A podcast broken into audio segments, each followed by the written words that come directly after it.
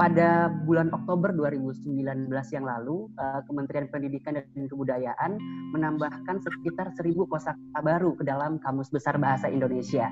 Dan menariknya adalah ada satu kata yang mencuri perhatian kita, yaitunya masuknya kata julid ke dalam KBBI, Pak Gubernur. Oh. Nah, ya, KBBI kemudian mendefinisikan julid ini sebagai bentuk sifat iri atau dengki terhadap kesuksesan seseorang dan kemudian hmm. itu diwujudkan dalam bentuk komentar negatif melalui sosial media.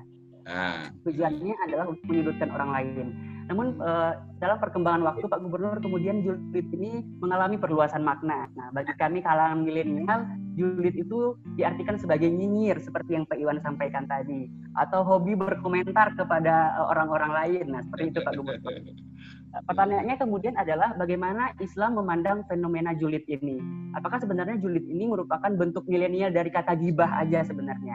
Nah, untuk menjawab ini langsung saja kita dengarkan tausiah dari guru kita Ustadz Salim Alfilah. Pada Ustadz kami silakan.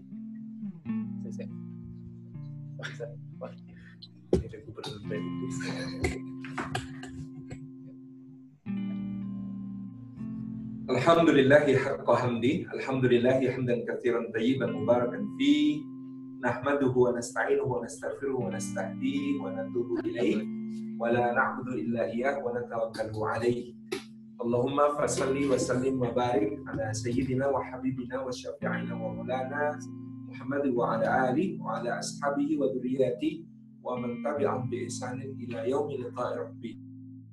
Hadratal Mukarramin yang kami hormati, ayahanda kita semua, Bapak Gubernur Bank Indonesia, Bapak Peri Warjio, beserta seluruh jajaran pimpinan Bank Indonesia, baik di kantor pusat maupun juga di berbagai kantor perwakilan wilayah. Yang tidak dapat kami sebut satu persatu, rekan-rekan semua, beserta kajian uh, Bina Millennials, Masya Allah yang luar biasa pada pagi hari ini dan saya dengar ada begitu banyak yang bergabung. Mudah-mudahan meskipun perjumpaan kita hanya melalui daring secara online, tetapi tidak mengurangi semua keutamaan bermajelis ilmu yang akan kita dapatkan seperti dijanjikan Allah dan Rasulnya Shallallahu Alaihi Wasallam. Mudah-mudahan setiap langkah kita hari ini menjadi pemudah jalan kita semua menuju ke surga. Mudah-mudahan duduk kita semua termasuk taman di antara taman-taman surga tempat Allah mencurah-curahkan rahmatnya, menaungkan sayap-sayap malaikatnya, menurunkan sakinah ke dalam hati kita dan menyebut-nyebut nama kita semua dengan bangga pada makhluk-makhluk mulia yang ada di sisinya. Amin. Pertama, perkenankan kami masih dalam suasana bulan Syawal sebab Ramadan mengucapkan taqabbalallahu minna wa minkum kullu am wa antum bi khair.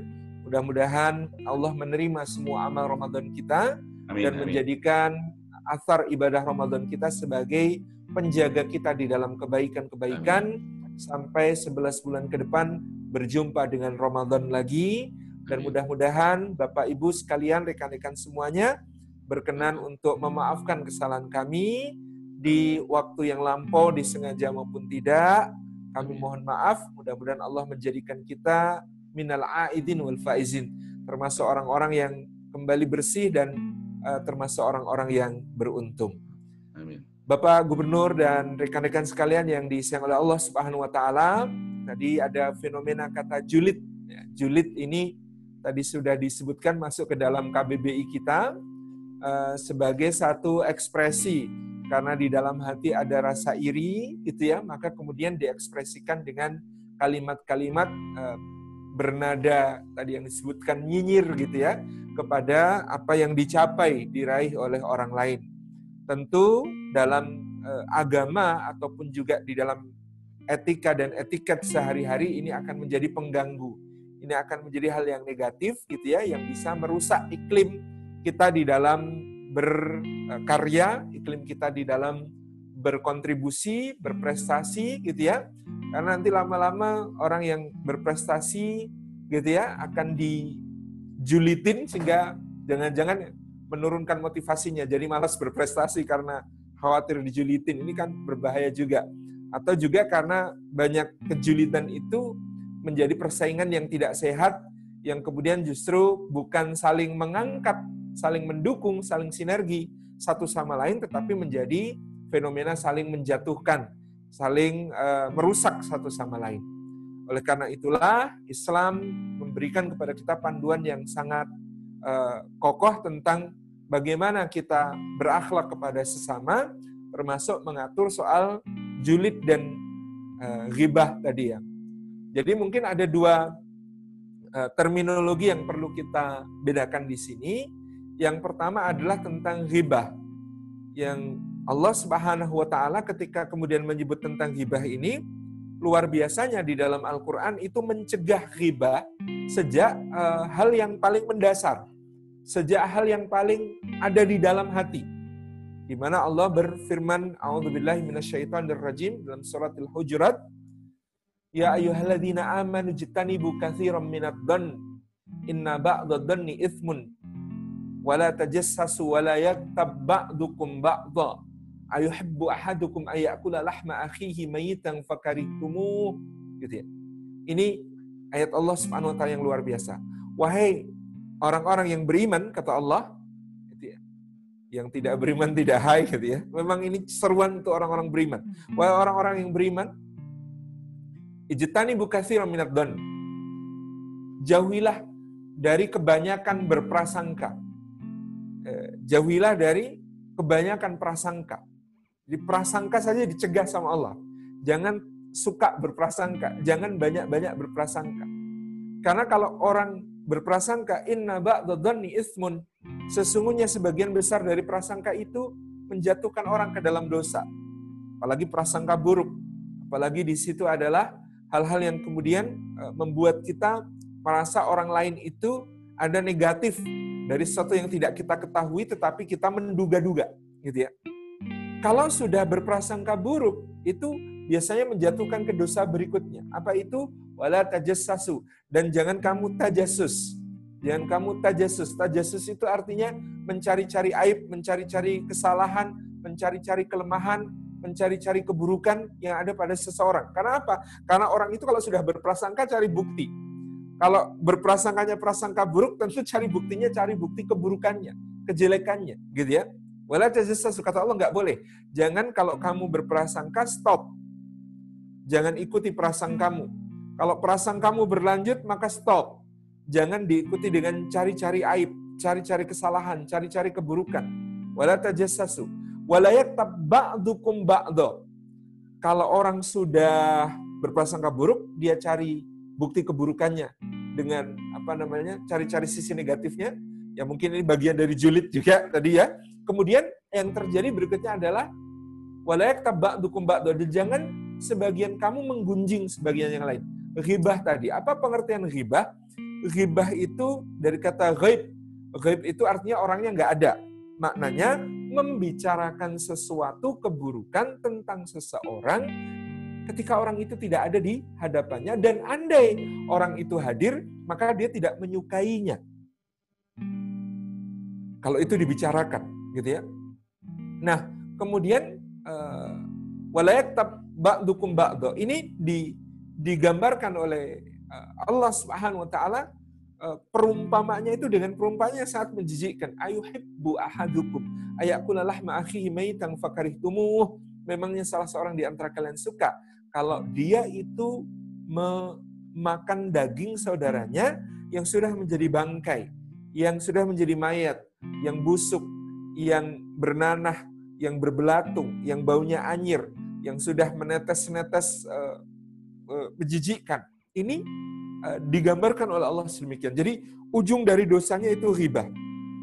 Ini uh, masih dosa yang tadi membicarakan di belakang. Bagaimana membicarakan di depan atau mengomentari di depan dengan jari jemari kita tadi, julid tadi. Maka pengertiannya kepada uh, yashar dalam bahasa Al-Quran, Ya ayyuhalladzina amanu la yashar qaumun min qaumin asa ayyakunu khairam minhum wala nisa'um min nisa'in asa ayyakunna khairam minhun. Wahai orang-orang beriman, janganlah satu kaum memperolokkan kaum yang lain. Boleh jadi yang diperolokkan itu lebih baik daripada yang memperolok. Dan janganlah uh, segolongan kaum wanita memperolok kaum wanita yang lain karena boleh jadi yang diperolok itu lebih baik daripada yang memperolok. Jadi ini luas sekali ya, luar biasa. Quran ini detail sekali. Kalau kita cuma menyebut tentang julid, nah di Quran itu detail dari prasangkanya, dari cari aibnya, dari ribahnya, ngomongin di belakang sampai uh, yashar gitu ya, ngomongin langsung di depannya ngolok-olok. Ini detail semuanya ada dosanya. Semuanya ada yang akan menjadi masalah bagi kita di di masa yang akan datang, yaitu di akhirat kita. Pertama prasangka. Prasangka itu merusak hubungan. Sejak di dalam hati dia sudah menjadi sesuatu yang mengganjal. Kalau seseorang berprasangka kepada orang lain, maka prasangka itu akan bikin dia uh, ya cara berkomunikasi lalu berbeda, cara berperilaku lalu berbeda. Bayangkan kalau ada dua rekan kerja saling berprasangka satu sama lain. Satu partner saling berprasangka satu sama lain. Prasangkanya prasangka buruk rusak semuanya. Maka sejak awal Quran itu mengatakan ijtani bukatsiran minad don. Jauhilah kebanyakan dari prasangka. Karena prasangka ini sekedar prasangka sejak merusak. Oleh karena itu, Al-Quranul Karim memuji orang-orang yang mampu berprasangka baik kepada orang lain, itu sebagai orang yang berprasangka baik pada dirinya sendiri. Ini menarik penjelasan saya Mustafa Asibai, kata beliau, kenapa Quran eh, menyebut berprasangka kepada berprasangka baik kepada orang lain itu dimulai dengan prasangka baik kepada diri kita sendiri. Karena demikian pula prasangka buruk. Prasangka buruk kita kepada orang lain itu bermula dari prasangka buruk kita kepada diri kita sendiri yaitu bahwa kalau kita berada pada keadaan si uh, yang kita prasangka buruki itu maka kita akan melakukan hal buruk. Kita melihat seseorang gitu ya uh, apa namanya misalnya berjalan di satu tempat yang itu dikenal sebagai tempat maksiat. Lalu kita ih foto dijulitin di internet gitu ya dijulitin di Twitter dijadiin bahan gosip di Twitter bahwa si A kelihat ketahuan loh ke gap kemarin di daerah itu gitu ya. Padahal di daerah itu apakah berarti melakukan perbuatan itu kan tidak tentu. Jadi jangan-jangan dia di sana lagi baksos kan itu. Jangan-jangan di sana dia lagi melakukan berbagai macam hal yang positif. Kok bisa-bisanya langsung dijudge bahwa itu adalah perbuatan buruk padahal hanya karena lewat di tempat yang buruk. Ini tidak boleh kata Quran. Ijtani bukan minat Nah, orang yang berprasangka baik adalah dia mampu berprasangka baik kepada dirinya sendiri terlebih dahulu baru kemudian dia berprasangka baik kepada orang lain. Kenapa? Wah, aku kalau di situ ya belum tentu begitu. Masa dia begitu juga? Kan nggak mungkin. Nah, ini adalah prasangka baik. Dalam Al-Quran, misalnya dalam surah An-Nur, Allah mencontohkan tentang kasus ibunda kita Aisyah radhiyallahu anha. Jadi Aisyah satu saat eh, ketinggalan dari rombongan Rasulullah SAW karena dia mencari kalung eh, pinjaman dari kakaknya yang eh, tertinggal ketika kemudian dia pergi ke belakang, pergi ke toilet. Waktu itu toiletnya tentu dalam bentuk tempat yang agak jauh sehingga lepas dari pandangan karena belum ada bangunan toilet permanen seperti zaman kita.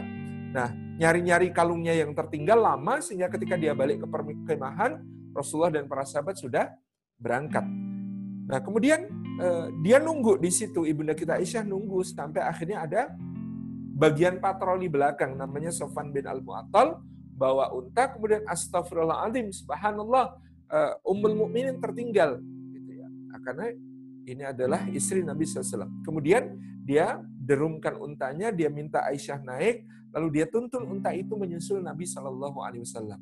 Nah kesusulnya sudah hari terang gitu ya. Nah tanpa Aisyah naik unta, untanya dituntun oleh Sofwan, maka langsung orang-orang munafik beraksi melihat celah untuk ngejulitin Rasulullah SAW, ngejulitinya lewat istri beliau. Ini pantesan nih, lama nunggu di belakang. Oh, ternyata cari yang lebih muda dari suaminya, ngomongnya jelek sekali. Maka kemudian ketika itu eh, beredar kabar itu, orang seperti Sayyidina Umar Ibn Khattab langsung berkata, eh, Hada buhtanun adim. Ini berita dusta yang sangat besar. Orang yang mengucapkannya sungguh layak dipotong lidahnya. Ini Sayyidina Umar orang yang uh, dipuji paling awal oleh Allah karena mengatakan hada buhtan adib. Model kedua adalah tadi berprasangka baik pada diri kita sendiri dulu supaya tidak berprasangka buruk kepada orang. Ada cerita tentang uh, seorang sahabat. Sahabat ini yang satu uh, suami istri ya, yang satu Abu Ayyub dan istrinya Ummu Ayyub. Abu Ayyub itu tanya sama istrinya, wahai istriku, kalau kamu jadi Aisyah, kira-kira perselingkuhan itu terjadi apa enggak? Kata istrinya, subhanallah suamiku, sejelek-jeleknya aku ya, yang namanya zina, itu perkara yang kemudian aku sangat jijik, ngeri. Na'udzubillah min dalik, nggak mungkin. Maka suaminya bilang, lah kamu saja nggak mungkin, apalagi Aisyah, Aisyah jauh lebih baik daripada kamu, gitu ya. Kemudian istrinya bilang, kalau kamu suamiku, kalau kamu jadi sofan, kira-kira peristiwa itu kejadian apa enggak? Kata suaminya, na'udzubillah min dalik, sejelek-jeleknya aku ya, nggak akan kepikir terbersit sedikit pun untuk menodai keluarganya Rasulullah, mengkhianati junjunganku sendiri. Gak mungkin, kata istrinya, Apalagi Sofwan. Sofwan kan lebih baik daripada kamu. Gak mungkin juga kejadian itu. Jadi ketika kita berprasangka baik kepada diri kita sendiri, maka kita akan berprasangka baik kepada orang lain. Ciri orang berprasangka buruk kepada orang lain adalah karena dia sebenarnya berprasangka buruk kepada dirinya sendiri. Makanya ijtani bukan minat don. Jauhi kebanyakan dari prasangka. Ini penting. Yang kedua, karena prasangka sudah merusak, apalagi yang kedua, julid dalam bentuk tadi apa namanya eh, tajasus. Tajasus itu nyari nyari aib nyari nyari kesalahan gitu ya. Kalau zaman sekarang ya ditelusur jejak digitalnya zaman dulu kayak apa ngomongnya macam-macam untuk ditampilkan untuk nyinyirin untuk kemudian membuli untuk macam-macam gitu ya.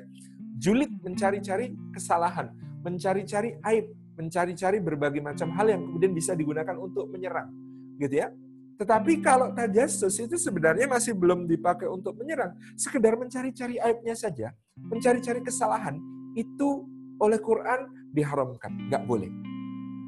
Nah, maka kemudian Quran mengatakan wala tajassasu, jangan tajasus, jangan cari-cari aib orang. Lebih baik kamu eh, sibuk dengan aib kamu sendiri. Karena ada satu orang aibnya dibuka oleh Allah untuk kamu, itu seribu kebaikannya boleh jadi ditutupi Allah dari kamu. Tapi kamu mengetahui dirimu itu kebaikanmu ditampilkan oleh Allah kepada orang, ada seribu keburukanmu yang ditutupi sama Allah.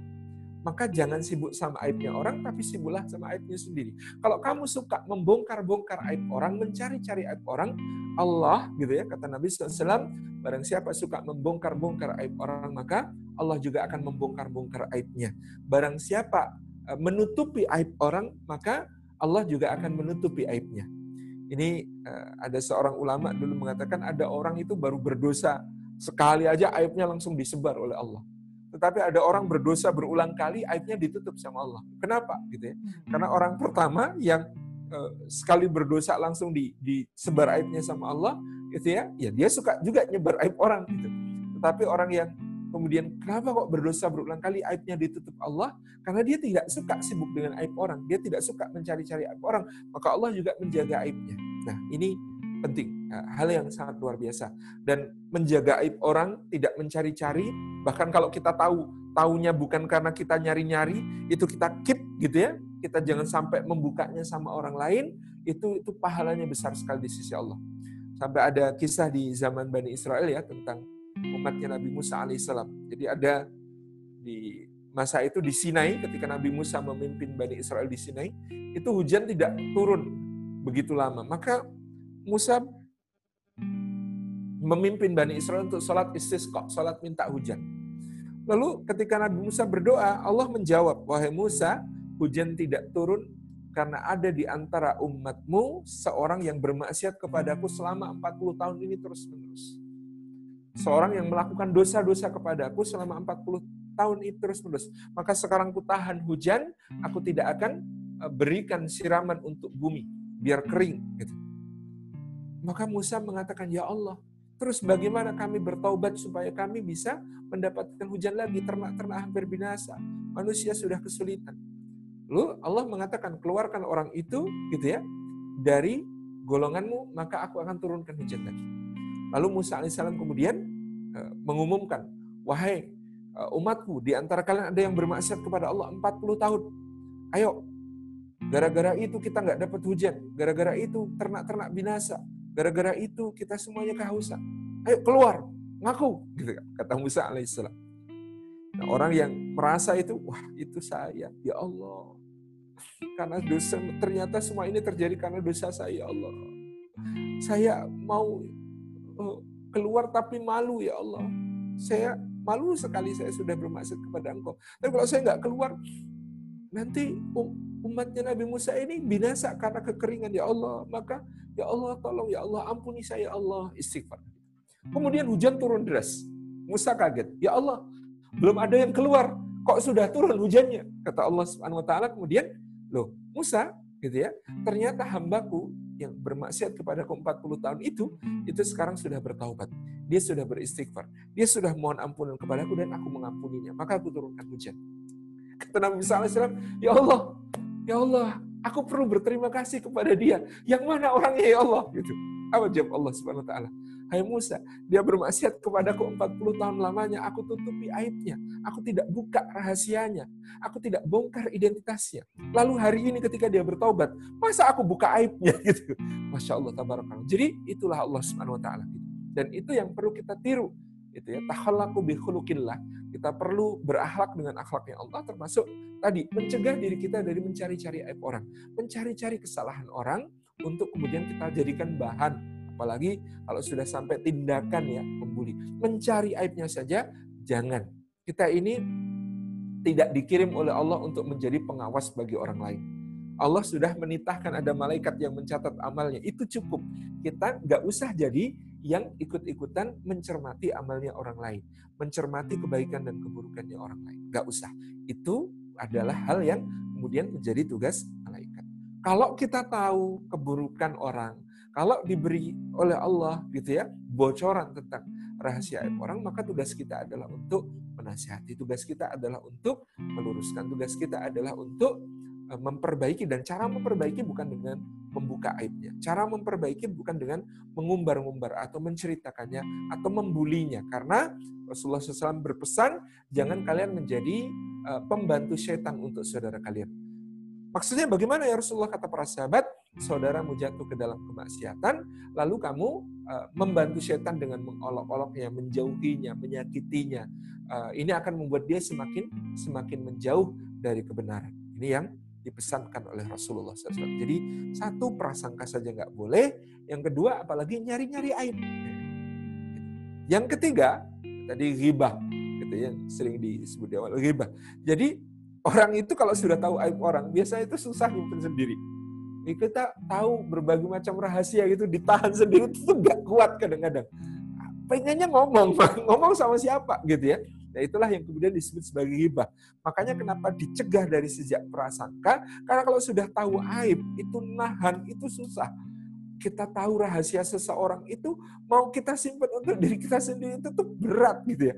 Kita pasti pengen cerita, kita pasti pengen sharing, kita pasti pengen berbagi cerita itu. Nah, inilah yang kemudian nanti akan disebut sebagai ghibah, bergunjing.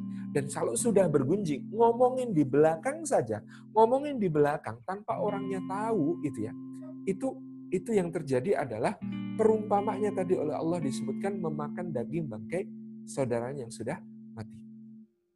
Di masa Nabi Shallallahu Alaihi Wasallam itu eh, ada kasus seseorang itu eh, melakukan dosa. Jadi dia berzina. Eh, kemudian dia ngaku kepada Nabi SAW, ya Rasulullah, tolong hukum saya. Saya berzina. Nah, perhatikan kalimat Nabi SAW. Enggak, paling kamu cuma nyium, udah-udah tobat-tobat sama Allah. Perhatikan bedanya sama kita. Kalau ada teman ngaku begitu ngomong sama kita, kita pasti tanya berapa kali, di mana, sama siapa aja. Detail kita mau nyari aibnya. Tapi perhatikan Nabi SAW, orang itu ngaku, ngaku sendiri, nggak kita tanya, nggak kita minta cerita. Orang itu ngaku, aku berzina ya Rasulullah, tolong hukum aku. Apa kata Nabi SAW? Enggak, enggak, paling kamu cuma nyium. Udah, udah, taubat aja sama Allah ya, udah nggak cerita lagi sama saya, nggak usah, nggak usah. Perhatikan, Hari kedua, dia menemui lagi Nabi SAW. Ya Rasulullah, benar, saya itu berzina, bukan cuma nyium. Ah, paling kamu cuma meluk, udah, udah, bertobat, bertobat, istighfar sama Allah, gak usah diterusin. Hari ketiga, dia cerita lagi sama Rasulullah. Ya Rasulullah, tolong ya Rasulullah, saya merasa bersalah. Rasa bersalah saya nggak bisa hilang. Saya pengen ditegakkan hukuman atas saya. sampai ketiga ini baru Rasulullah mentakin. Nah, enggak paling cuma tidur sebelahan gitu. Enggak ya Rasulullah. Terjadi kata Nabi SAW terjadi seperti timba masuk ke sumur.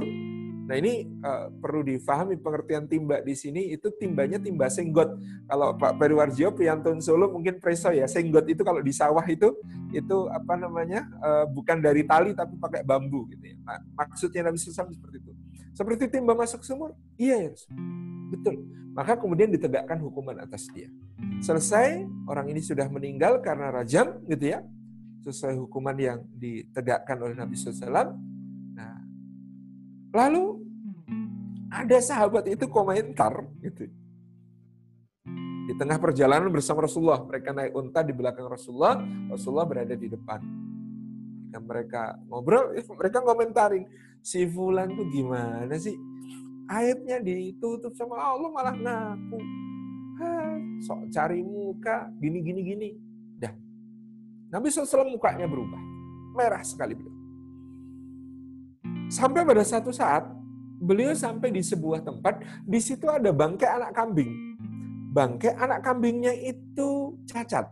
Jadi matanya picak sebelah, anak kambing ini kemudian apa namanya eh, kupingnya ini bahasa Jawanya punter eh, kupingnya itu cacat juga gitu ya dan pincang jadi tiga cacat matanya cacat, telinganya cacat, kakinya cacat. Ini sudah bangkai uh, cacat pula. Karena Nabi SAW memerintahkan, hai Fulan dan Fulan, dua sahabat yang tadi bergunjing, yang tadi ghibah. Turun ke sini. Samina wa ta'anya Rasulullah. Maka turun. Nabi Rasulullah mengatakan, ini ada bangkai, tolong dimakan. Kaget mereka. Astagfirullahaladzim. Ya Rasulullah, sejak kapan bangkai jadi halal sehingga kami diperintahkan untuk memakannya? Kata Nabi SAW, bangkai itu tidak halal dan tidak akan pernah jadi halal. Cuma yang kalian lakukan tadi, membicarakan saudara kalian tadi sebenarnya lebih menjijikkan daripada memakan bangkai kambing cacat ini. Seakan-akan aku masih bisa melihat di sela-sela gigi kalian terdapat daging bangkai saudara kalian yang telah membusuk dan menjijikkan. Subhanallah itu ya. Sangat kerasnya agama ini melarang ghibah karena dia merusak tadi hubungan satu sama lain sehingga diumpamakan dengan yang sedemikian. Nah, apalagi tadi yaskhar, menjuliti dengan bentuk mengolok-olok. Ini lebih berat lagi dosanya tentu daripada yang sekedar kita. Nah, Bapak Ibu yang dirahmati Allah, seberapa serius agama ini memandang dosa dengan sesama? Dikatakan oleh Imam Sufyan al-Thawri, sesungguhnya menghadap Allah dengan membawa seribu dosa kepadanya, kadang-kadang aku anggap lebih ringan daripada menghadap Allah dengan membawa satu dosa kepada sesama. Loh kenapa? Kata beliau, karena uh, Allah Subhanahu wa taala itu menutupi aib. Jadi kalau kita bersalah sama Allah, Allah nggak akan membuka cerita tentang kesalahan kita itu. Kemudian Allah itu menunggu kita taubat, nggak langsung menghukum. Kalau kita salah langsung dihukum sama Allah itu habis manusia gitu. Cepet banget karena apa? Begitu berdosa dihukum, begitu berdosa enggak. Allah itu enggak langsung menghukum. Dibiarin dulu. Ditunggu bahkan taubatnya. Begitu taubat, maka kemudian Allah Subhanahu wa taala memberikan kepada dia kesempatan untuk bertaubat. Allah Subhanahu wa taala memberikan kepadanya eh, apa namanya? pintu tobat yang dibuka luas. Bahkan kalau dia datang kepada Allah sejengkal, Allah datang kepadanya sehasta. Dia datang kepada Allah sehasta, Allah datang kepadanya sedepah. Dia datang berjalan kaki, Allah sambut dengan berlari-lari. Masya Allah. Dan Allah itu bahagia sekali kalau ada hamba yang bertobat. Itu Allah. Tapi kalau manusia, kata Imam eh, Sufyan As-Sauri, itu manusia itu tidak mudah memaafkan. Dia kalau memaafkan minta ganti rugi dan dia suka mungkit-mungkit kesalahan nggak menutupi aib gitu, dan lain sebagainya. Itulah manusia, gitu ya. Makanya urusan dengan manusia ini repot. Sehingga di dalam uh, tradisi uh, Islam kita di Nusantara ini ada satu ijtihad para ulama kita terdahulu. Di teman-teman ngariksa sudah meneliti ternyata istilah halal bihalal yang sangat khas Indonesia itu sudah muncul di dalam sebuah kitab yang ditulis pada masa Sunan Gunung Jati di naskah yang ada di Keraton Cirebon. Itu halal bihalal itu ijtihad ulama Nusantara. Jadi Ba'da Ramadan logikanya begini Ramadan itu terhapus dosa-dosa kepada Allah.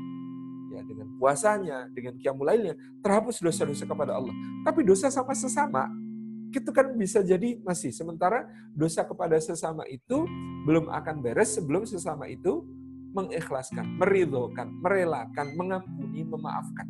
Makanya kenapa para ulama Indonesia, para ulama Nusantara dulu itu merumuskan apa yang disebut sebagai halal bihalal, kita melakukan syawalan itu karena apa? Karena Ramadan menghapus dosa-dosa kepada Allah, tetapi jangan-jangan masih ada dosa-dosa kepada sesama, apalagi hak adami yang kemudian belum kita bereskan. Maka dilengkapilah gitu ya ibadah puasa yang telah menghapus dosa kepada Allah itu dengan cara saling menghapus dosa dengan sesama.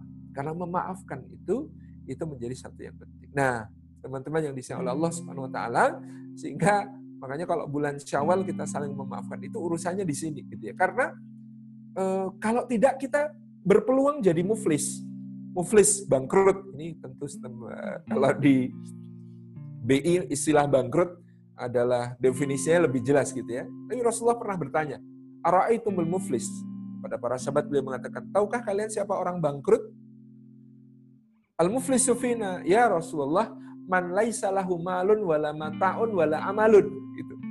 Siapakah orang yang bangkrut itu? Kata para sahabat, orang bangkrut itu di sisi kami ya Rasulullah, itu orang yang tidak punya harta, tidak punya e, berbagai hal fasilitas untuk dinikmati, dan tidak punya pekerjaan, itu bangkrut.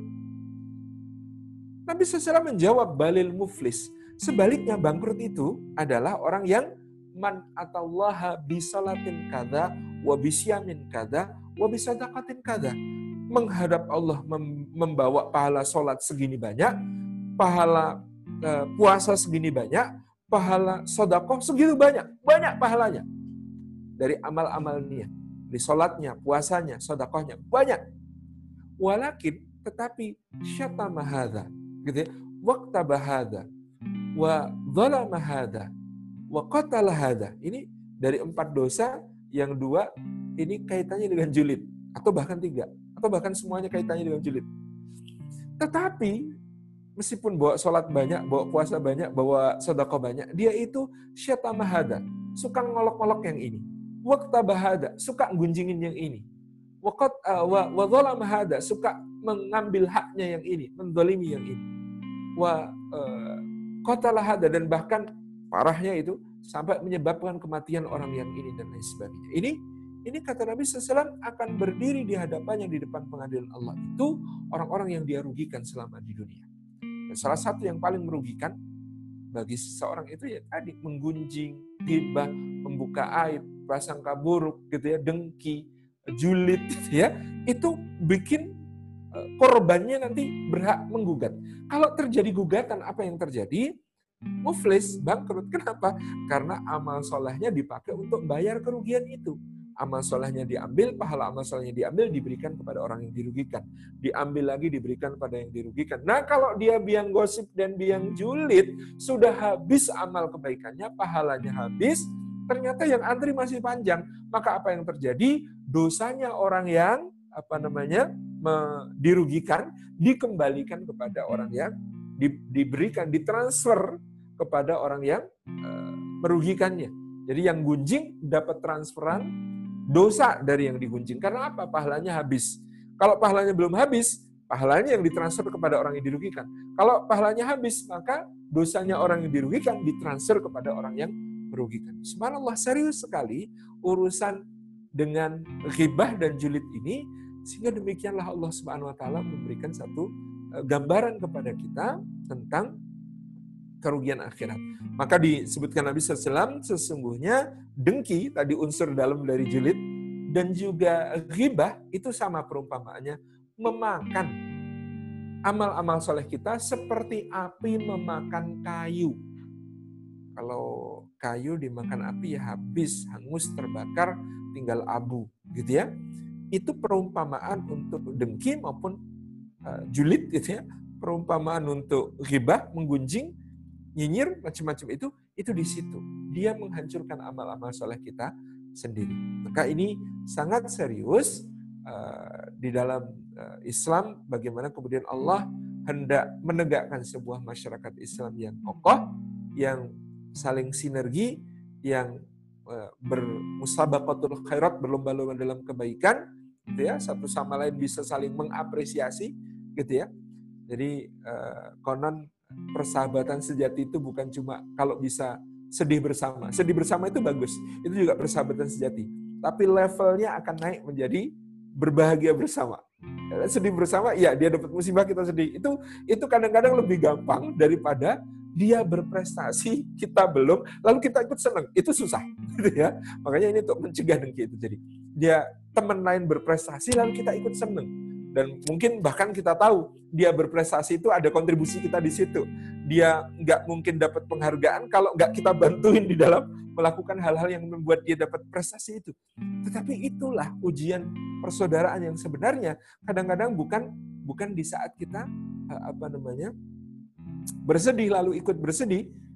Di saat sahabat kita bersedih lalu kita ikut bersedih. Oh bapaknya wafat kita ikut bersedih. Yes, itu adalah satu bagian dari persahabatan persaudaraan sejati.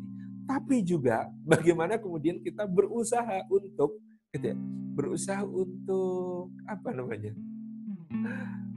ikut bahagia, ikut bersyukur ketika saudara kita dapat prestasi. Itulah uh, resep obat anti julid yang diberikan oleh Allah Subhanahu wa taala bagi kita semuanya bahwa yang namanya julid gitu ya, uh, ghibah, dengki dan segala macamnya yang kemudian mengikutinya ini sangat merusak di dunia uh, bagi masyarakat dan sangat uh, apa namanya me, merusak bagi diri kita pribadi kelak di di akhirat nanti dengan menghancurkan amal-amal kita.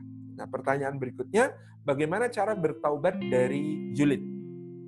Satu, kalau uh, julid itu diketahui oleh yang bersangkutan. Jadi kita apa namanya ngejulitin dia, nyinyirin dia, ngomongin dia, kemudian kita minta maaf, ini sudah menjadi hal yang sewajarnya. Dan kalau dimaafkan, alhamdulillah alamin. Kalau belum dimaafkan ya kita perbanyak berbuat baik, baik kepada dia maupun juga kepada orang lain. Saya eh, nggak nyadar tapi pernah mengalami ada orang minta maaf tiba-tiba gitu ya.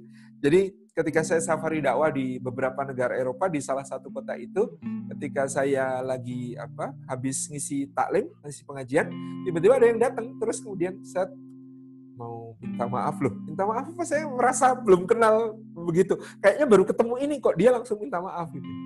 Terus kemudian dicerita, mohon maaf saat dulu waktu masih di Indonesia saya suka ini ngejulitin dan nyinyirin Ustadz di Twitter kan gitu. Loh saya juga nggak gitu ya. Saya nggak tahu dan saya nggak ingat ya. Enggak, tapi saya minta maaf loh.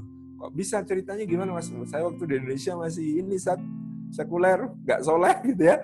Ketika sampai di luar negeri ternyata saya membutuhkan agama, saya merasa sepi gitu ya. Akhirnya saya gabung komunitas pengajian-pengajian gitu ya. Alhamdulillah sekarang uh, lebih baik lah daripada dulu di Indonesia. Jadi saya justru menemukan agama itu malah di di sini sehingga kemudian uh, saya ya malah astagfirullah ketemu Ustaz di sini jadi saya pengen minta maaf gitu ya karena uh, dulu di apa namanya Indonesia saya suka ngejulitin saya suka nyinyirin antum di sana. Wih, kaget juga gitu ya. Nah ini ini adalah salah satu jalan. Yang kedua, kalau yang kita julitin, kita nyinyirin, kita hibain, nggak tahu, nggak kenal, sebenarnya lebih baik eh, kita hanya beristighfar dan bertobat kepada Allah. Al Imam An Nawawi dalam uh, Sahih Muslim menjelaskan uh, kalau kita minta maaf justru menjadikan uh, ada prasangka-prasangka atau bisa merusak hubungan di tingkat yang selanjutnya, maka sebenarnya tidak perlu minta maaf langsung karena justru akan menjadi pintu-pintu kerusakan berikutnya. Uh, maka yang kita lakukan adalah uh, memohon ampun kepada Allah, lalu kita mendoakan yang bersangkutan supaya mendapatkan ampunan dari Allah Subhanahu wa taala. Ini cara kita untuk tobat berjilid. Dan memang ini program ya, besok-besok ini kita sudah lepas dari Ramadan, jangan kita kotori lagi dengan jilid kita, amal-amal kita jangan kita rusak lagi dengan jilid kita Nah, di program mungkin dalam 30 hari atau 40 hari kita uh, menerapkan diet anti julid di kita. Ya, gimana? Uh, satu, unfollow semua akun-akun julid. unfollow semua akun-akun gibah, gitu ya. Kemudian uh, hilangkan list nonton tayangan gibah dan julid dari dari diri kita, dari televisi kita, dari media-media kita. Kemudian apalagi? Ya kalau mampu uh, hindari uh, terlebih dahulu uh, pergaulan dengan teman-teman yang biasa ngajak kita gibah dan julid gitu ya. Kemudian kalau kita eh, apa namanya merasa perlu melakukan berbagai macam langkah lainnya, ya apa yang bisa kita stop dari semua hal itu lakukan dietnya 40 hari aja. Setelah itu mudah-mudahan kita sudah lulus jadi orang yang anti julid. Terima kasih, jazakallah heran. Mudah-mudahan bermanfaat. Mohon maaf Pak Gubernur jadi agak panjang ini. Barakallahu fikum. Wassalamualaikum warahmatullahi wabarakatuh. Waalaikumsalam warahmatullahi wabarakatuh. Ya, uh, syukron kesiron Ustaz Salim Afilah atas pencerahan dan ilmunya kepada kita bersama.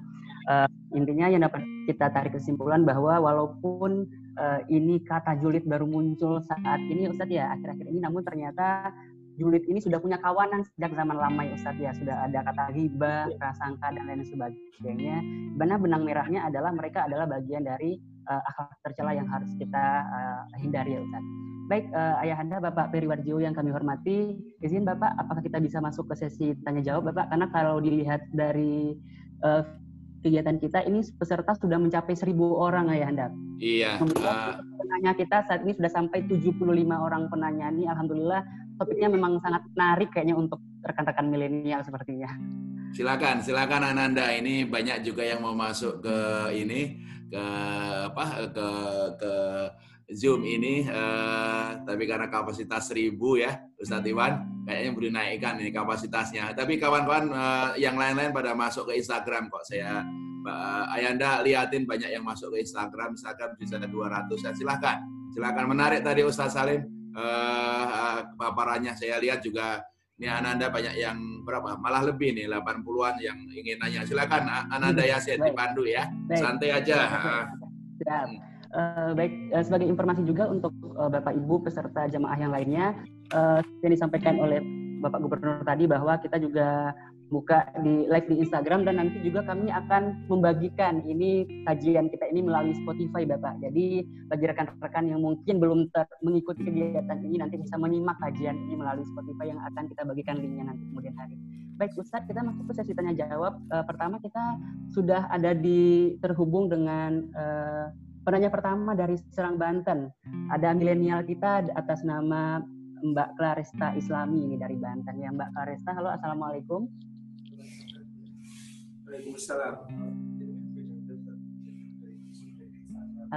Pesta Islami dari Serang Banten.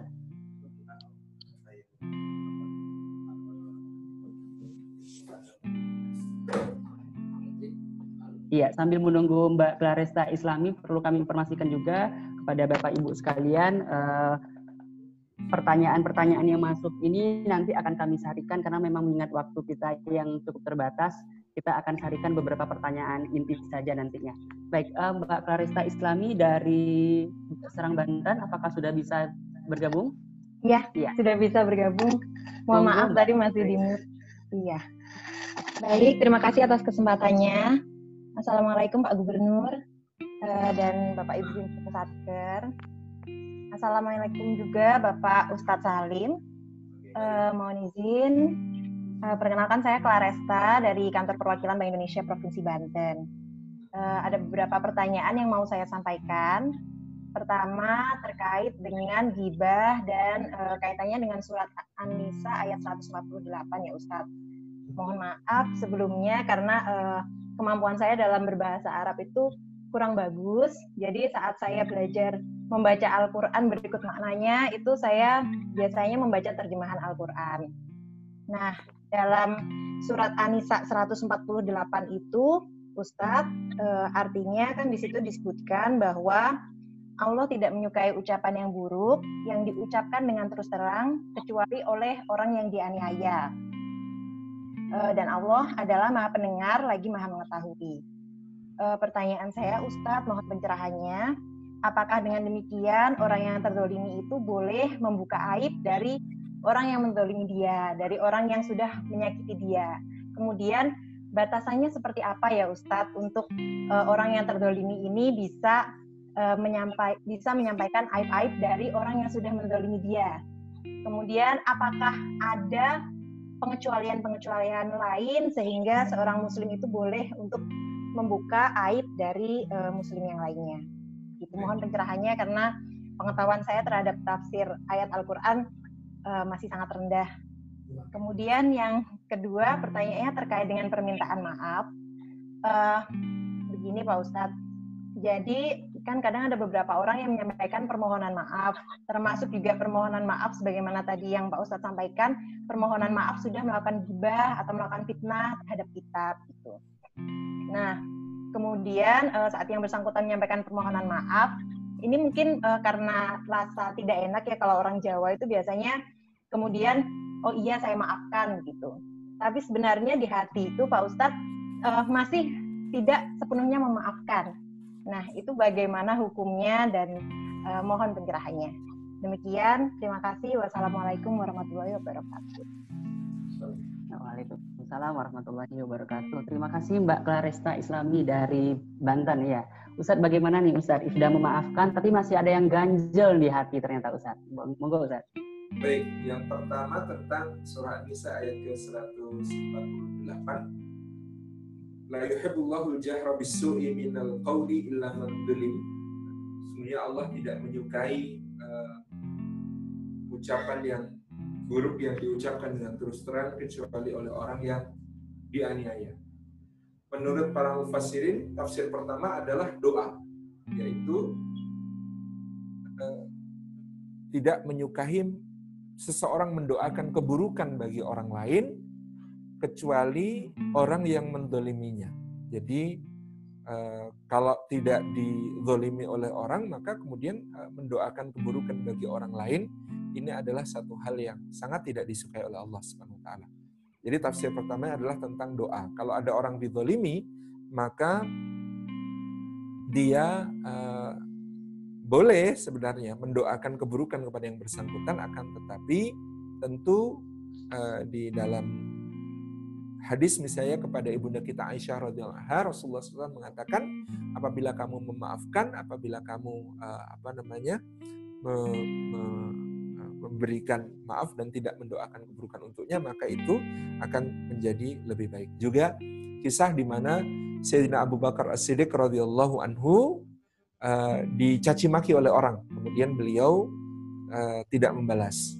Kemudian dicaci maki yang kedua kali, beliau juga tidak membalas.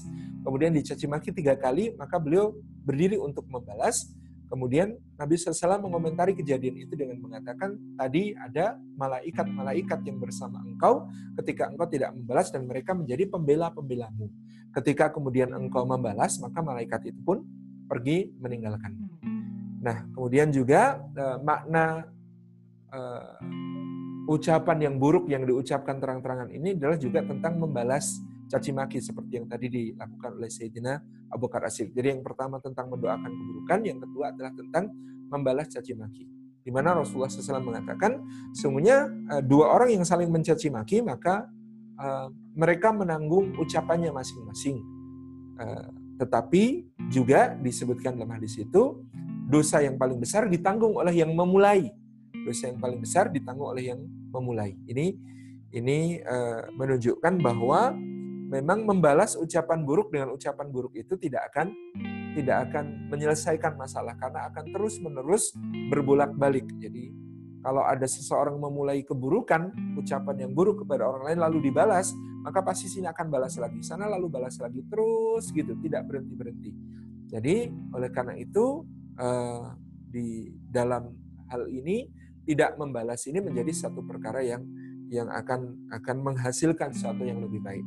Seperti diriwayatkan tentang Nabiullah Isa alaihissalam, di mana beliau dicaci maki, uh, beliau justru membalas dengan ucapan yang baik, kemudian beliau dilempari dengan kotoran dan bau busuk, beliau malah menghadiahkan minyak wangi kepada yang bersangkutan.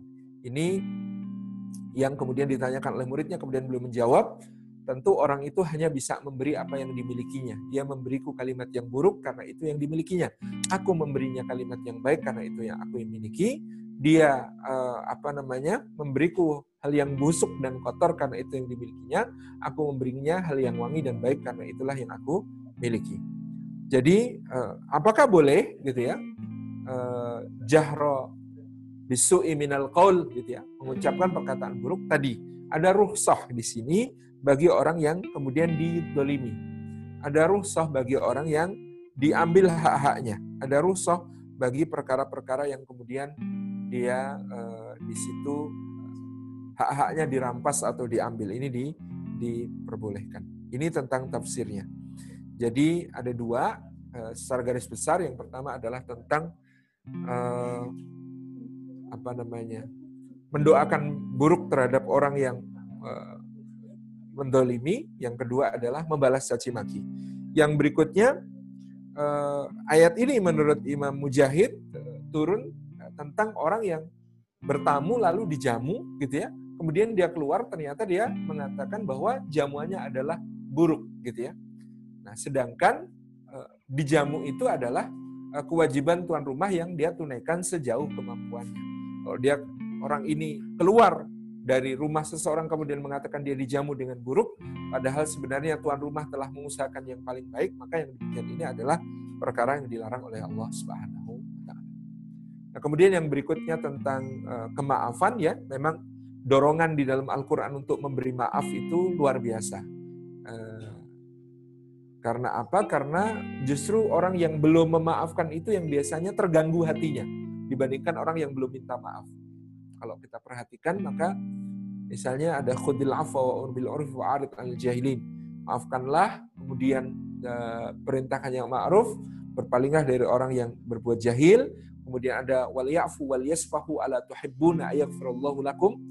Uh, hendaklah mereka memaafkan dan hendaklah mereka berlapang dada apakah kamu tidak suka jika Allah mengampunimu gitu ya.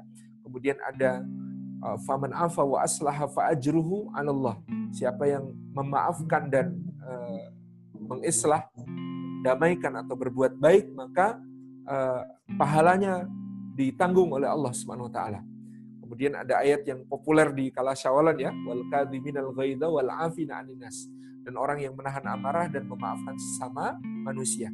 Itu menunjukkan bahwa dalam Al-Qur'an dorongan untuk memberikan maaf itu sangat sangat besar. Karena apa? Tujuan manusia itu seperti Allah katakan untuk beribadah. Wa ma khalaqtul jinna wal insa.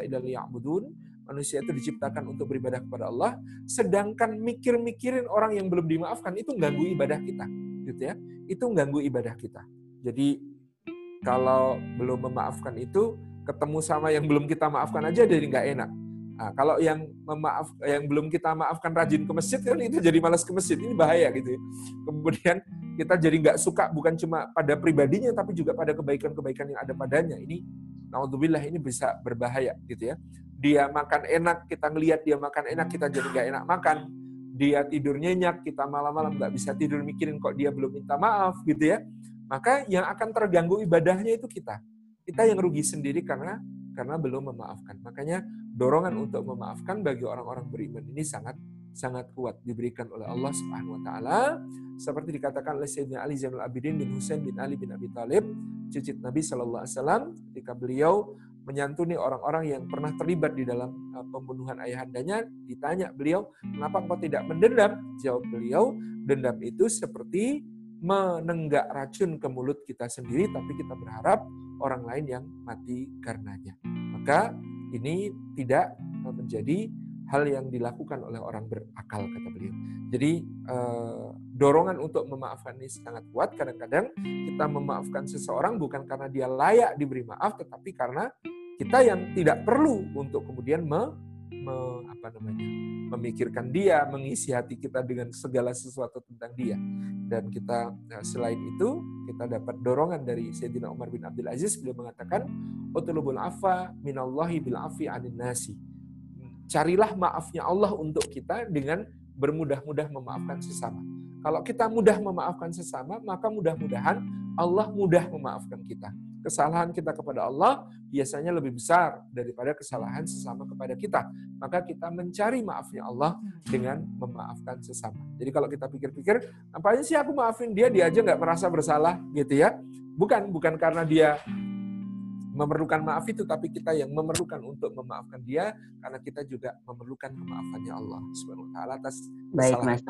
Ya, ya. Um, Mbak Rere, semoga sudah terjawab ya pertanyaannya dari Ustadz tadi. Ya baik, terima kasih. Ya baik. Dan nampaknya ini pertanyaan penjelasan dari Ustadz tadi juga sudah menjawab beberapa pertanyaan nih Ustadz dari pertanyaan-pertanyaan yang muncul di chat kita. Uh, kemudian izin satu lagi Pak Gubernur kita masuk masih ada satu penanya live kita Pak. Silakan, uh, silakan, silakan, silakan. Baik, uh, pertanyaan penanya kedua kita ada dari Palu, ada Mas Sasongko Agung nih dari Palu. Assalamualaikum Mas Sasongko. Waalaikumsalam Mas Yaset yang terhormat Bapak Gubernur. Ya silakan. Ya, izin Bapak Gubernur, uh, Bapak Ibu sekalian, serta Ustadz Salim Filah, Salim Filah, Assalamualaikum warahmatullahi wabarakatuh. Perkenalkan saya Agung dari Bank Indonesia Palu, Bapak Ibu. Uh, mohon izin penjelasan lebih lanjut Ustadz untuk dua pertanyaan. Uh, yang pertama, bagaimanakah uh, sikap kita untuk mengupayakan ampunan dosa gibah yang mungkin dilakukan oleh orang tua atau anggota keluarga kita Ustadz yang saat ini telah meninggal. Mengingat tadi penjelasan Ustadz uh, begitu seriusnya dosa dari gibah itu sendiri Ustadz. Uh, yang kedua juga mohon izin penjelasan Ustadz mengenai saya pernah membaca hadis Nabi yang dikatakan bahwa dosa gibah itu lebih besar dari dosa uh, zina. Mohon penjelasan mengenai kesohihan dari hadis ini dan apakah kemudian setiap gibah itu memiliki konsekuensi dosa yang lebih besar dari uh, dosa zina Ustadz atau dalam kondisi tertentu yang mungkin dosa gibah itu uh, memiliki konsekuensi yang lebih besar dari uh, dosa zina. Mungkin itu terima kasih. Assalamualaikum warahmatullahi wabarakatuh. Waalaikumsalam warahmatullahi wabarakatuh. Uh, mohon ditunggu sebentar Ustadz, kita uh, langsung digabungkan dengan penanya kita terakhir kalau boleh Pak Ustadz, biar boleh. kita sekali jawab. Ya, uh, kita juga sudah ada penanya terakhir. Langsung dari Pematang Siantar ada uh, Syahriani Harahap. Ya, Assalamualaikum warahmatullahi wabarakatuh. Dari Syahriani Harahap, Pematang Siantar. Apakah sudah terhubung dengan kita? Assalamualaikum. Waalaikumsalam. Silakan Mbak Syahriani.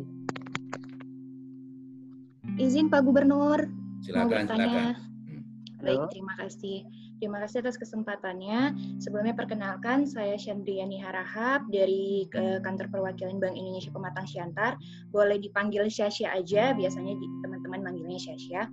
Uh, baik Pak Ustadz, terima kasih atas materinya sangat bermanfaat sekali, khususnya buat uh, kita generasi milenial. Ada beberapa pertanyaan, mungkin singkat saja Pak Ustadz. Yang pertama, gimana kalau kita menceritakan orang lain yang sudah menyakiti kita kepada orang terdekat. Misalnya kita hanya niatnya sih hanya curhat, misalnya ke ibu atau kakak di rumah gitu. Terus itu jatuhnya ke gibah atau gimana? Karena kadang kan kita khususnya kayak milenial itu kayak hanya butuh teman cerita aja, kayak uh, curhat ke orang terdekat gitu. Terus yang kedua, eh, gimana apa hukum gibah atau menjelekkan orang lain itu di dalam hati? Kayak kita hanya menggerutu aja, dia kok kayak gini ya, kayak gitu. Eh, terus yang terakhir, eh, kan sekarang juga kayak julid itu nggak hanya ke orang yang kita kenal, bahkan kayak ke artis-artis. Misalnya kita buka sosial media, itu kadang mau kebuka informasi soal misalnya artis yang lagi uh, trending gosipnya di media sosial kita tuh hanya baca uh, tidak ikut berkomentar tapi kayak uh, baca terus mengikuti perkembangannya itu apakah masuk ke gibah juga Pak Ustadz? Mungkin itu saja. Terima kasih banyak atas kesempatannya. Assalamualaikum. Waalaikumsalam warahmatullahi wabarakatuh. Ya, monggo Ustaz. Dua penanya kita tadi dari Ustaz, dari Palu dan Pematang Siantar. Silahkan. Terima kasih, terima kasih. Uh, yang pertama tentang dosa yang dilakukan dosa gibah yang dilakukan oleh mungkin uh, orang-orang yang kita cintai yang sudah meninggal di antaranya orang tua kita. Bagaimana cara kita mereka agar diringankan oleh Allah Subhanahu wa taala, dihapuskan dosanya. Pertama, kalau itu orang tua atau orang yang kita sayang, kita bisa mendoakan mereka. Uh, senantiasa mendoakan mereka di dalam uh, berbagai kesempatan kita berdoa. Jadi doakan ba'da salat, doakan ketika kita berdoa secara umum, silahkan. Ini doa anak untuk orang tua adalah doa yang mustajabah. Doa anak untuk orang tua adalah doa yang dikabulkan oleh Allah Subhanahu wa taala. Ya. Yang kedua selain mendoakan kalau kita tahu kesalahannya itu hmm. kita bisa mengupayakan uh, maaf dari yang bersangkutan. Misalnya kita tahu hmm. Bapak dulu itu ada clash gitu ya sama Eh, kepala kampung gitu ya. Kemudian Bapak dulu agak gimana sama kepala kampung dan lain sebagainya. Nah, kita bisa mengupayakan untuk kemudian mendapatkan maaf dari yang bersangkutan dengan uh, menyambung arham ya. Kita dahulu yang uh, berinisiatif mendatangi kalau bapak saya dulu ada salah sama bapak saya mohon maaf gitu ya. Kita memberikan hadiah kepada beliau untuk menyenangkan hatinya sehingga berkenan untuk maafkan. Ini adalah upaya kita. Kita dibolehkan melakukan hal semacam itu. Kalau kita tahu oh yang dulu ada masalah sama ibu saya itu adalah ini ini ini. Saya datengin kemudian saya mintakan maaf ibu saya. Ya bahwa yang bersangkutan maafkan atau tidak yang terpenting kita mengupayakan gitu ya. Yang terpenting kita bisa berusaha untuk memperbaiki hubungan di antara mereka. Mudah-mudahan Allah juga kelak memperbaiki hubungan di antara mereka di di surga mendamaikan mereka di surga insya Allah. Itu itu yang bisa kita lakukan. Yang ketiga adalah kita bisa beramal sesuai eh, dengan kemampuan kita di atas namakan orang tua. Karena di atas namakan orang tua itu pahalanya tidak akan hanya untuk orang tua tapi juga untuk kita, gitu ya sodako atas nama orang tua, umur atas nama orang tua, semuanya dalam rangka untuk menebus dosa-dosa orang tua tersebut. Ini juga bisa kita lakukan, gitu ya. Ini di antaranya untuk menghapus dosa orang yang kita cintai, orang tua kita, ketika kita tahu bahwa mereka pernah melakukan hal yang demikian.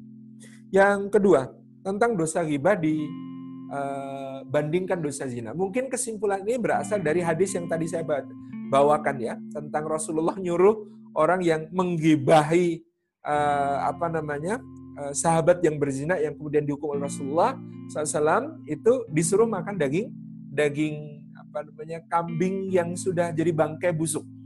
Lalu di akhir hadis Rasulullah mengatakan sesungguhnya si fulan itu telah bertaubat yang taubatnya sekiranya dibagi untuk seluruh penduduk Madinah maka cukup untuk memasukkan mereka ke dalam surga. Jadi dari situ mungkin diambil kesimpulan wah kalau begitu yang berzina diampuni sementara yang bergibah masih di tadi dicela oleh Rasulullah dengan celaan yang begitu parah suruh makan daging daging bangkai. Tetapi tentu e, kesimpulan ini bisa disalahfahami. Maknanya begini, e, dosa apa pun kalau sudah bertobat kesimpulan yang benar ya. Dosa apa pun kalau sudah bertobat itu pasti ringan daripada dosa yang lain. Jadi kalau kita hendak menghibai seseorang, termasuk orang yang berzina ini, kita harus ingat, jangan-jangan zinanya sudah diampuni karena dia bertobat, kita ghibahnya nggak diampuni Allah, itu bahaya gitu ya. Hmm. Jadi jangan-jangan zinanya sudah diampuni, tapi ghibah kita belum. Itu yang yang berbahaya. Nah, bahwa dosanya tentu zina termasuk kabair. Zina itu termasuk dosa besar. Ya eh, tidak bisa dikatakan dengan simplifikasi bahwa ghibah lebih besar daripada zina gitu ya. Karena nanti jangan-jangan ada orang yang berkesimpulan lebih baik zina daripada gibah ini kesimpulan yang keliru lagi gitu ya.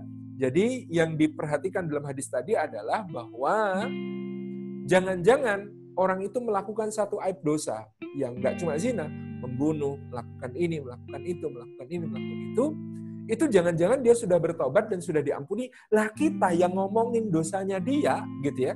Jangan-jangan nggak diampuni sama Allah. Itu itu yang penting untuk kita catat. Jadi bukan karena dosa uh, lebih besar daripada dosa zina, kan katanya dosa itu bukan soal apa yang kita lakukan tapi kepada siapa kita durhaka yaitu kepada Allah Subhanahu wa taala ya. Sebaiknya kita tidak pernah menganggap uh, remeh dan enteng dosa apa pun gitu ya. Itu jadi uh, tidak bisa diambil kesimpulan begitu. Maknanya tadi adalah agar kita jangan ghibah karena apa? Jangan-jangan dosa yang kita gibahin itu sudah diampuni Allah, lalu dosa gibah kita nggak diampuni Allah. Itu yang yang berbahaya. Tapi ya jangan kemudian diambil kesimpulan dari hadis tadi, kalau begitu lebih baik zina daripada gibah. Bukan, itu kesimpulan yang clear. Kemudian curhat dan menceritakan satu masalah. Menurut Imam Anawi dalam Syarah Sahih Muslim, gibah yang diizinkan atau membicarakan aib orang yang diizinkan itu satu. Diizinkan kalau kita menceritakan kepada orang yang bisa eh, menawarkan solusi atau jalan keluar dari satu masalah. Contoh, eh, ada yang di apa namanya dalam rumah tangganya. Ini kan aib ya kalau rumah tangga itu aibnya suami itu harus dijaga oleh istri, aibnya istri harus dijaga oleh suami. Tapi misalnya istrinya itu didolimi oleh suaminya, maka kepada siapa istri ini cerita, pada yang bisa menelurkan solusi. Contoh, ceritalah kepada mertua. Karena mertua lebih bisa memberi solusi daripada orang tua kita sendiri. Kenapa? Karena mertua itu terkait dengan misalnya suami. Ini ini adab Islam. Jadi cerita pertama kalau bisa jangan sama jangan sama orang tua sendiri. Nanti akan memperuncing masalah karena nanti akan memperlebar konflik dari uh, suami istri menjadi dua keluarga gitu ya. Tapi tuntunan Islam itu ngobrolnya sama mertua sehingga mertua bisa kemudian menjadi solusi. Nah, apa maksudnya? Uh, makanya bagus istri itu uh, hubungannya harus baik sama ibu mertua, sama bapak mertua. Kenapa? Karena mereka yang bisa memberi solusi kalau ada masalah sama suami. Demikian pula sebaliknya. Ini tuntunan Islam. Jadi ceritalah kepada orang yang bisa memberi solusi. Ini diizinkan. Jadi membuka aib itu boleh dengan syarat ini. Untuk dicarikan solusi. Yang kedua, diperbolehkan gitu ya. Kalau itu adalah urusan pengadilan. Kalau kita lagi jadi saksi, Ya, jadi saksi itu harus disumpah, harus bicara benar, ya harus bicara benar, bukan untuk menutupi aib saudara gitu ya. Tersangkanya saudara kita, lalu kita uh, dalilnya kita harus menutupi aib saudara kita. Enggak boleh, karena itu disumpah atas nama kebenaran untuk menyampaikan persaksian yang yang betul. Jadi di situ tidak boleh menutupi aib. Jadi di situ boleh menyampaikan aib orang. Jadi itu termasuk tidak tidak termasuk gibah yang yang dilarang. Yang ketiga, diperbolehkan menyampaikan aib kalau itu terkait amanah dari seorang pejabat publik, bukan hidup pribadinya ya. Kalau ada seorang pejabat publik melakukan maksiat pribadi, nggak boleh kita bongkar-bongkar maksiat pribadinya itu, nggak boleh. Tetapi kalau itu terkait amanah dia sebagai pejabat publik, misalnya korupsi, ya itu boleh di jadi wartawan misalnya, ah, ini ada kasus korupsi bapak pejabat A itu, oh jangan itu harus ditutupi aibnya. Enggak, kalau itu adalah amanah publik ya harus dibuka. Jadi tidak tidak kemudian berlindung di balik menutupi aib. Ya, apalagi kalau dia tugasnya adalah untuk menginvestigasi gitu ya. Jadi ini ini e, diizinkan. Jadi yang satu yang bisa ngasih solusi, dua kalau itu pengadilan, tiga kalau itu pejabat publik. Nah, pertanyaan keempat, kalau itu adalah curhat untuk meringankan beban maka curhat yang terbaik adalah kepada yang bisa menutup aib. Jadi yang tidak ke mana-mana. Jangan sampai kita salah curhat ke orang yang dia ternyata biang gosip, maka cerita itu akan menyebar ke mana-mana. Jadi boleh curhat syaratnya tadi kepada yang bisa menjaga amanah. Kepada yang bisa untuk menutup aib. Makanya Rasulullah juga curhat kepada Abu Bakar As-Siddiq. Karena Abu Bakar sangat amanah, nggak akan cerita kepada siapa pun atas apa yang diceritakan Rasulullah SAW kepadanya misalnya. Itu ya jawabannya. Kemudian bagaimana hukumnya uh, atas satu hal gitu ya, kemudian menggerutu dalam hati. Uh, gerutuan itu kan juga ada timbangannya. Gerutuan atas perkara yang dolem tadi, ya tentu boleh. Tapi gerutuan nggak ada alasan apa-apa kok kita menggerutu sendiri, ya kita sendiri yang rugi. Itu namanya al-haqdu. Uh, satu level di bawah al-hasad gitu ya. Al-hasad itu dengki. Nah dengki itu uh, ngerusak diri kita, sebenarnya kita tidak perlu bicara dosanya pun itu uh, merusak diri kita sendiri. Ya, kita jadi meletakkan kebahagiaan kita di orang lain. Kita bahagia kalau dia apa namanya susah, kita jadi uh, sedih kalau dia uh, berprestasi misalnya. Gerutuan-gerutuan yang karena gibah, eh kok gibah, karena dengki, karena hasad ini yang disebut hakat itu ya masih di dalam hati namanya hakat kalau sudah diupayakan menjadi eh, baik lisan maupun perbuatan itu namanya hasad dengki. Jadi kalau bisa itu eh, ya kalau itu adalah kedoliman tentu eh, kita boleh tadi menggerutu itu boleh seperti jahar minal qaul saja boleh tetapi kalau itu bukan sebuah kedoliman orang kepada kita maka dia satu bentuk penyakit hati. Ya, kenapa sih kita susah-susah meletakkan uh, senang dan susah kita kepada uh, ukuran-ukuran yang dilakukan oleh orang lain. Jangan sampai gitu ya. Kita akan jadi orang yang paling nggak bahagia. Kita ini bisa jadi orang paling bahagia kalau kita uh, apa namanya merasa cukup dengan apa yang dianugerahkan Allah, merasa ridho dengan ketentuan Allah, gitu ya. Itu kita jadi orang yang paling bahagia dan paling kaya. Julid ke artis ini parah banget ya netizen plus 62 itu saya kemarin dengar hanya karena berperan di sebuah film sebagai tokoh antagonis dan itu bahkan dari negara lain katakanlah Korea gitu ya. Kemudian dijulitin di akun Instagramnya dikomenin yang negatif-negatif. Ini kan parah banget. Ini nggak boleh ya yang seperti ini sesuatu yang uh, tidak pada tempatnya. Nah bagaimana kalau sekedar membaca satu kasus dan perkembangannya? Ya satu kalau kita memang perlu tahu ya baca nggak apa-apa. Tapi kalau kita tidak perlu tahu buat apa baca kan pertanyaannya begitu. Hmm.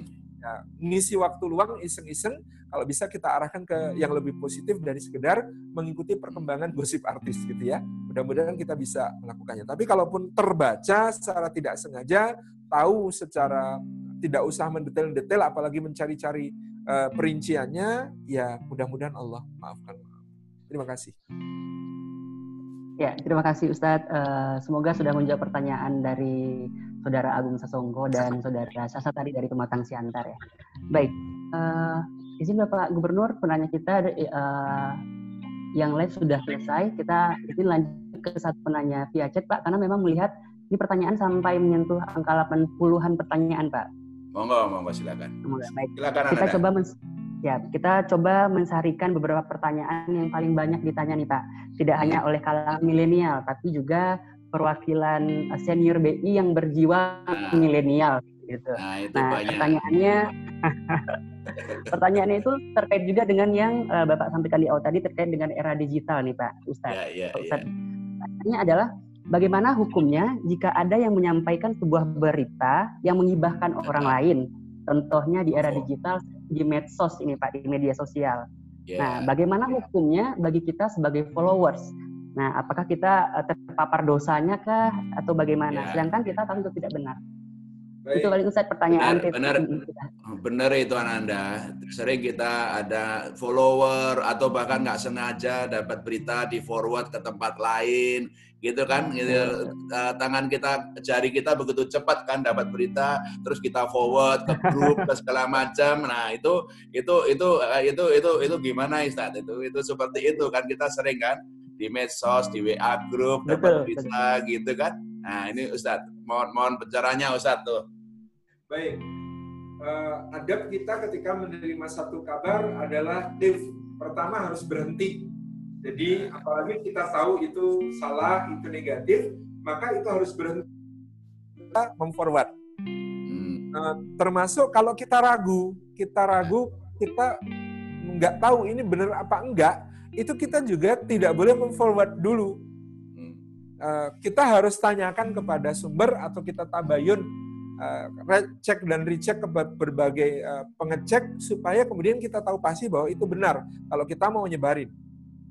Kemudian uh, termasuk tidak boleh adalah gini, nge-forward ke grup lain terus tanya, ini benar nggak ya? Nggak boleh. Karena itu namanya nyebarin kok terus tanya, itu nggak boleh. Tanya, Jadi kalau tanya itu pada yang ngirim, jangan tanya kepada ngirim, yang dikirim. Jangan sama yang lain itu ya, gitu ya. Kesalahan yang sering saya dapati di grup bapak-bapak ya, yang kolonial-kolonial sudah besar, kemudian baru tanya di bawahnya, itu kira-kira benar apa enggak ya? Ini enggak boleh, enggak benar adabnya. Etikanya adalah, etiketnya adalah tanya kepada yang kirim. Yakin enggak? Benar enggak? Baik enggak? Bermanfaat enggak? Nah, kalau itu dijawab uh, no semuanya, ya sudah, give, ya berhenti tidak boleh diteruskan gitu ya. Nah, jadi ingat ya yang sering terjadi kesalahannya adalah forward tapi tanya ini kira-kira nah. bener apa enggak ya? Nanya. Tambah gibah itu ya. ya temennya sudah langsung nyebarkan, gitu ya. Ini enggak boleh. Jadi kekeliruan besar kalau kemudian kita uh, menanya kok kepada yang dikirimi. Kalau tanya itu ya. sama yang ngirim, jangan yakin betul kok ini benar. Kok bisa dikirim ke sini? Harus begitu. Jangan kemudian bahkan kalau perlu tanyanya japri. Kalau kemudian dia nggak yakin, suruh dia segera hapus gitu ya. ya sebelum betul. kemudian dia nyebar lagi. Jadi ini penting untuk menjadi satu hal yang uh, kita pegang di dalam dunia medsos di Rasulullah SAW mengatakan kafabil mar'i kadiban ayah dasa bikul lima samya. Termasuk seseorang itu pembohong, kata Nabi SAW, kalau dia uh, menyampaikan apa pun yang dia dengar.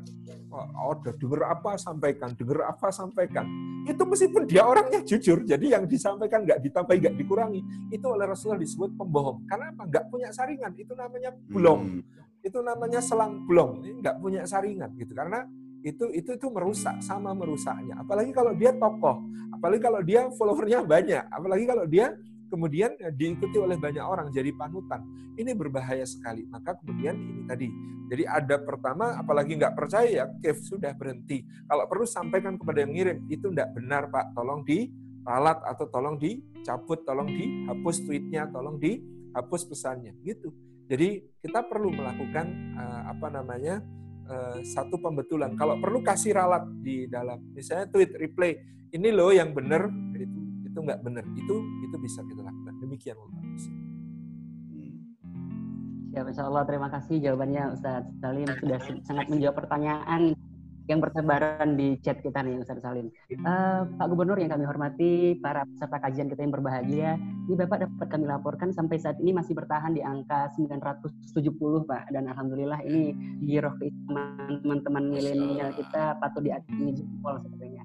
Nah, uh, peserta kajian yang berbahagia dan Ustaz Salim yang kami muliakan, selanjutnya uh, mengingat waktu untuk sesi tanya jawab mungkin kita sudahi. Uh, kemudian kami mohon arahan atau pendalaman lebih lanjut kepada ya Anda Gubernur Bank Indonesia Bapak pada Bapak kami silakan. Alhamdulillah Ananda uh, Yasid yang saya sayangi. Ini Anda Anda Anda, anda semuanya ya.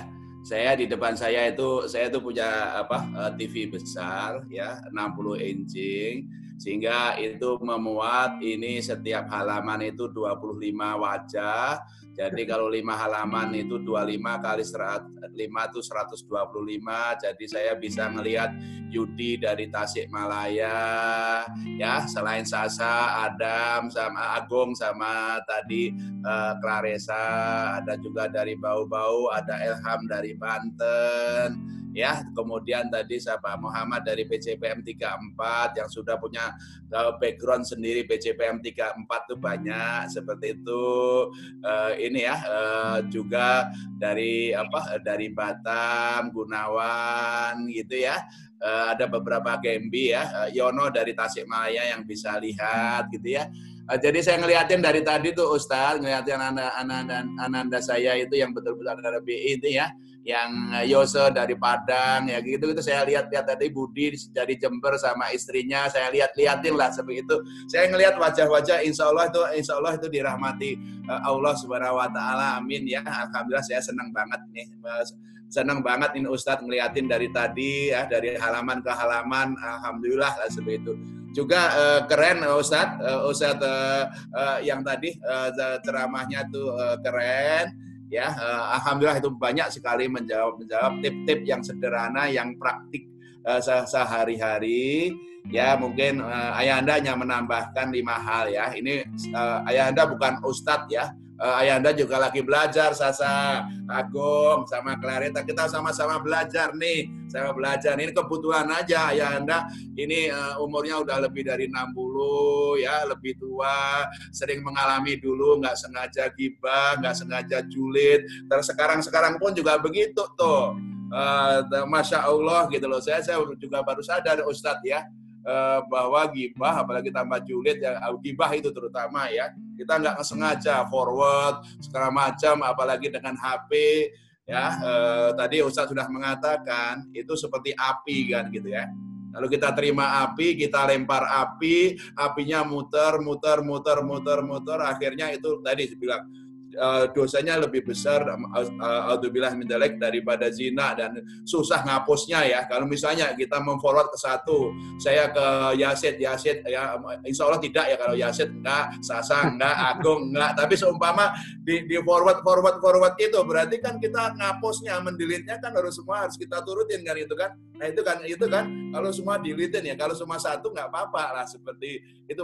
Ya itu ya barangkali mungkin Ustadz ya Ustadz Salim menggambarannya kenapa begitu mas apa uh, astagfirullah ya alhamdulillah dari begitu begitu bahaya bahayanya uh, gibah sama julid tadi lah kebetulan seperti itu saya kira uh, mungkin ini tambahan saja ya Ustadz Salim uh, terima kasih uh, tadi tips-tipsnya mungkin saya nambahkan lima aja lah beberapa tips untuk uh, stop gibah, stop julid ya. Mungkin kalau kita niatkan hari ini, mari kita stop gibah, stop julid lah seperti itu ya. Saya kira nomor satu ya, selalu memikirkan yang baik, bukan yang buruk kalau kalau saya lihat Yasin, ya itu saya lihat yang buruknya aja, yang gantengnya, cakepnya, pinternya, ya seperti itu. Kalau lihat Sasa, Nanda, ya gitu, yang cantiknya, yang solehahnya, ya seperti itu. Saya nggak akan ingat-ingat, wah Yasin gimana, nah, kemarin di kelas gimana, seperti itu ya. Ya itu selalu kita harus melihat segala sesuatu dari pimpinan, dari kawan kita, dari pasangan kita, dari teman kita,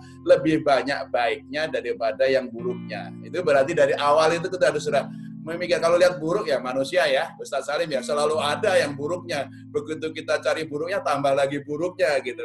Yang lebih berat adalah mari kita selalu uh, cari yang baiknya. Karena begitu kita ngelihat setan itu akan masuk selalu akan masuk. Selalu akan selalu yang pertama things about the good thing ya. Good thing itu adalah itu yang paling pertama. Nomor number one ya itu nomor satu ya.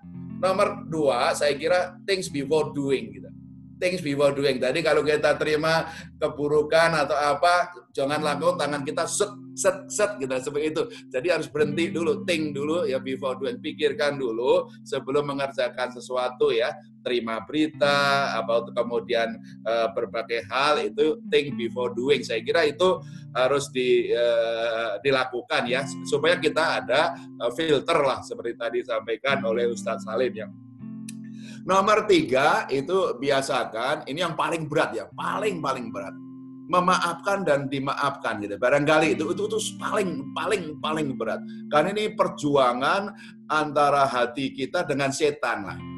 Itu perjuangan antara hati, kekuatan kolbu kita dengan setan itu memaafkan. Kalau misalnya begitu sakitnya kita misalnya di, digibahin ya, ya secara langsung atau itu sakit hati kita betul-betul sakit ya sakitnya di sinilah seperti gitu gitu, gitu seperti uh, gitu. Tapi memang di situlah kebesaran kita ya Ustaz Salim ya di situlah kecintaan Allah itu akan akan akan muncul. Kalau kita betul-betul bisa memaafkan kesalahannya itu juga kesalahan orang yang menggibai kita gitu ya. E, atau juga kalau kita membuat gibah langsung cepat mem mem mem memohon maaf itu berarti itu kita menang tiga ya. Pertama kita uh, sudah bisa mengamalkan ibadah uh, Allah. Yang kedua kita bisa melawan setan. Tapi rasakan coba suatu saat anda disakiti dan anda betul-betul sholat kemudian memaafkan itu rasanya dalam hati Anda itu akan sejuk loh. Tapi kalau Anda marah, hatimu kita itu akan marah akan kemudian uh, seperti apa uh, seperti kita terbakar terus kemudian kemudian uh, cenderung kemudian kita meledak-ledak itu barangkali tapi ini yang paling berat ya selalu kita harus mampu memaafkan atau dan juga segera maaf membuat kesalahan. Di sinilah perjuangan yang paling berat. Insya Allah ini semakin kita melatih setiap hari, insya Allah itu bisa dilakukan ya. E, nomor empat itu adalah friend. Ya, friend secara fisik maupun friend secara virtual ya. Gimana kita nggak givah kalau WA grup kita, kita punya 10 WA grup, 9 WA grup isinya cuma cerca mencerca lah gitu gitu kan Ustadz ya. Ya itu gimana kalau kita nggak givah? Nah, gimana kalau kita nggak jilid? Kalau 10 WA grup yang sembilannya itu sering itu isinya cerca mencerca, yang satu hanya kebaikan. Mestinya bisanya ya 10-10-nya yang baik. Kalau pengen ngintip-ngintip sasa ya, ada yang gosip satu aja, jangan sembilan itu WA grupnya itu yang sosial itu isi yang begitu jangan ya Ustadz ya. Ya itu namanya friend, friend digital ya begitu. Di kantor juga cari-cari yang friend yang seperti yang yang bisa membawa kebaikan lah seperti itu ya gitu ya. Ya itu yang barangkali ya deh yang satu adalah good, selalu milih ya good thing. Yang kedua adalah think before doing. Nomor tiga adalah sorry, ya we have to say ya apologize and sorry, selalu maaf bisa memaafkan. Yang keempat adalah friend, itu sangat penting friend secara fisik maupun secara digital, WA group, sosmed dan segala macam. Yang ke kelima yang paling penting adalah always remember Allah ya. Selalu di mana pun harus always remember Allah karena tidak ada yang bisa menuntun kita. Ya Allah semuanya harus Allah supaya hati kita sejuk ya. Bisa menahan tadi ya. Eh, selalu mencari kebaikan-kebaikan. Selalu kita harus berpikir dulu ya sebelum melakukan sesuatu. Selalu bisa memaaf memaafkan ya. Dan kedua bisa menuntun kita teman-teman yang baik eh, sosial grup yang baik-baik WA grup yang baik-baik lah seperti itu ya dan hanya Allah yang bisa menuntun kita. Oleh karena itu kita harus sering uh, di dalam hati kita jangan pernah lepas dari Allah. Barangkali Ananda ya semuanya Ananda yang cantik-cantik, yang cakep-cakep, yang insya Allah soleh soleha. Terima kasih Ustaz Salim, terima kasih Ananda yang, yang uh, soleh, yang ganteng, Yasid, ya, di Mamuju, ya, yang yang bisa memandu kita. Terima kasih. Saya menikmati sekali. Saya hanya menambahkan lima hal tadi, ya, uh, itu tadi, ya, selalu lihat kebaikannya, selalu memikirkan think before doing. Yang ketiga, sorry itu apologize, ya maaf memaafkan. Yang keempat, friend di titel yang baik. Yang kelima, always remember to Allah. Barangkali gitu ya. Terima kasih Ustaz Salim. Masya Allah eh, enak eh, anu tip-tipnya mudah dan saya sangat menikmati. Terima kasih semuanya ya Ananda ya. Eh, Ananda ini ya di seluruh eh, Indonesia, seluruh luar negeri. Ayah Anda sangat senang sekali. Sekian terima kasih. Wassalamualaikum warahmatullahi wabarakatuh.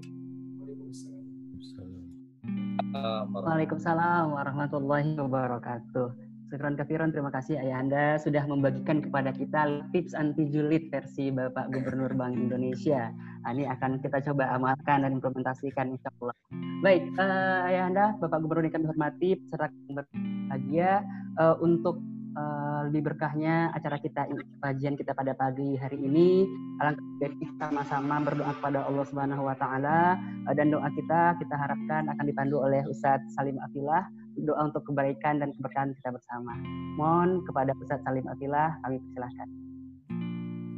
Bismillahirrahmanirrahim.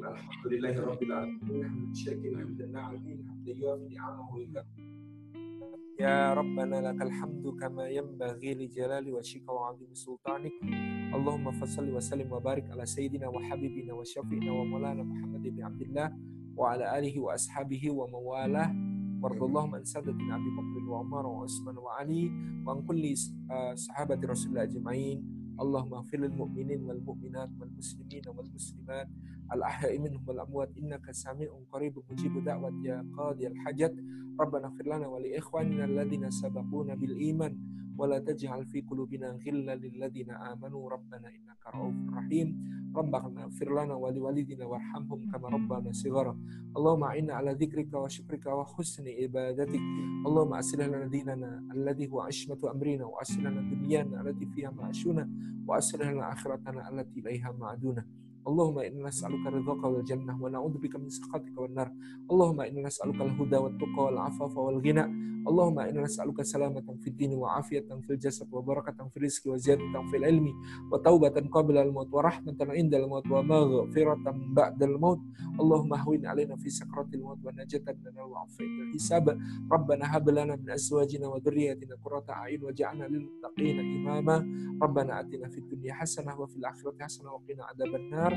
وادخلنا الجنة مع الأبرار يا عز يا غفار يا رب العالمين سبحان ربنا رب العزة عما يصفون وسلام على المرسلين والحمد لله رب العالمين رب العالمين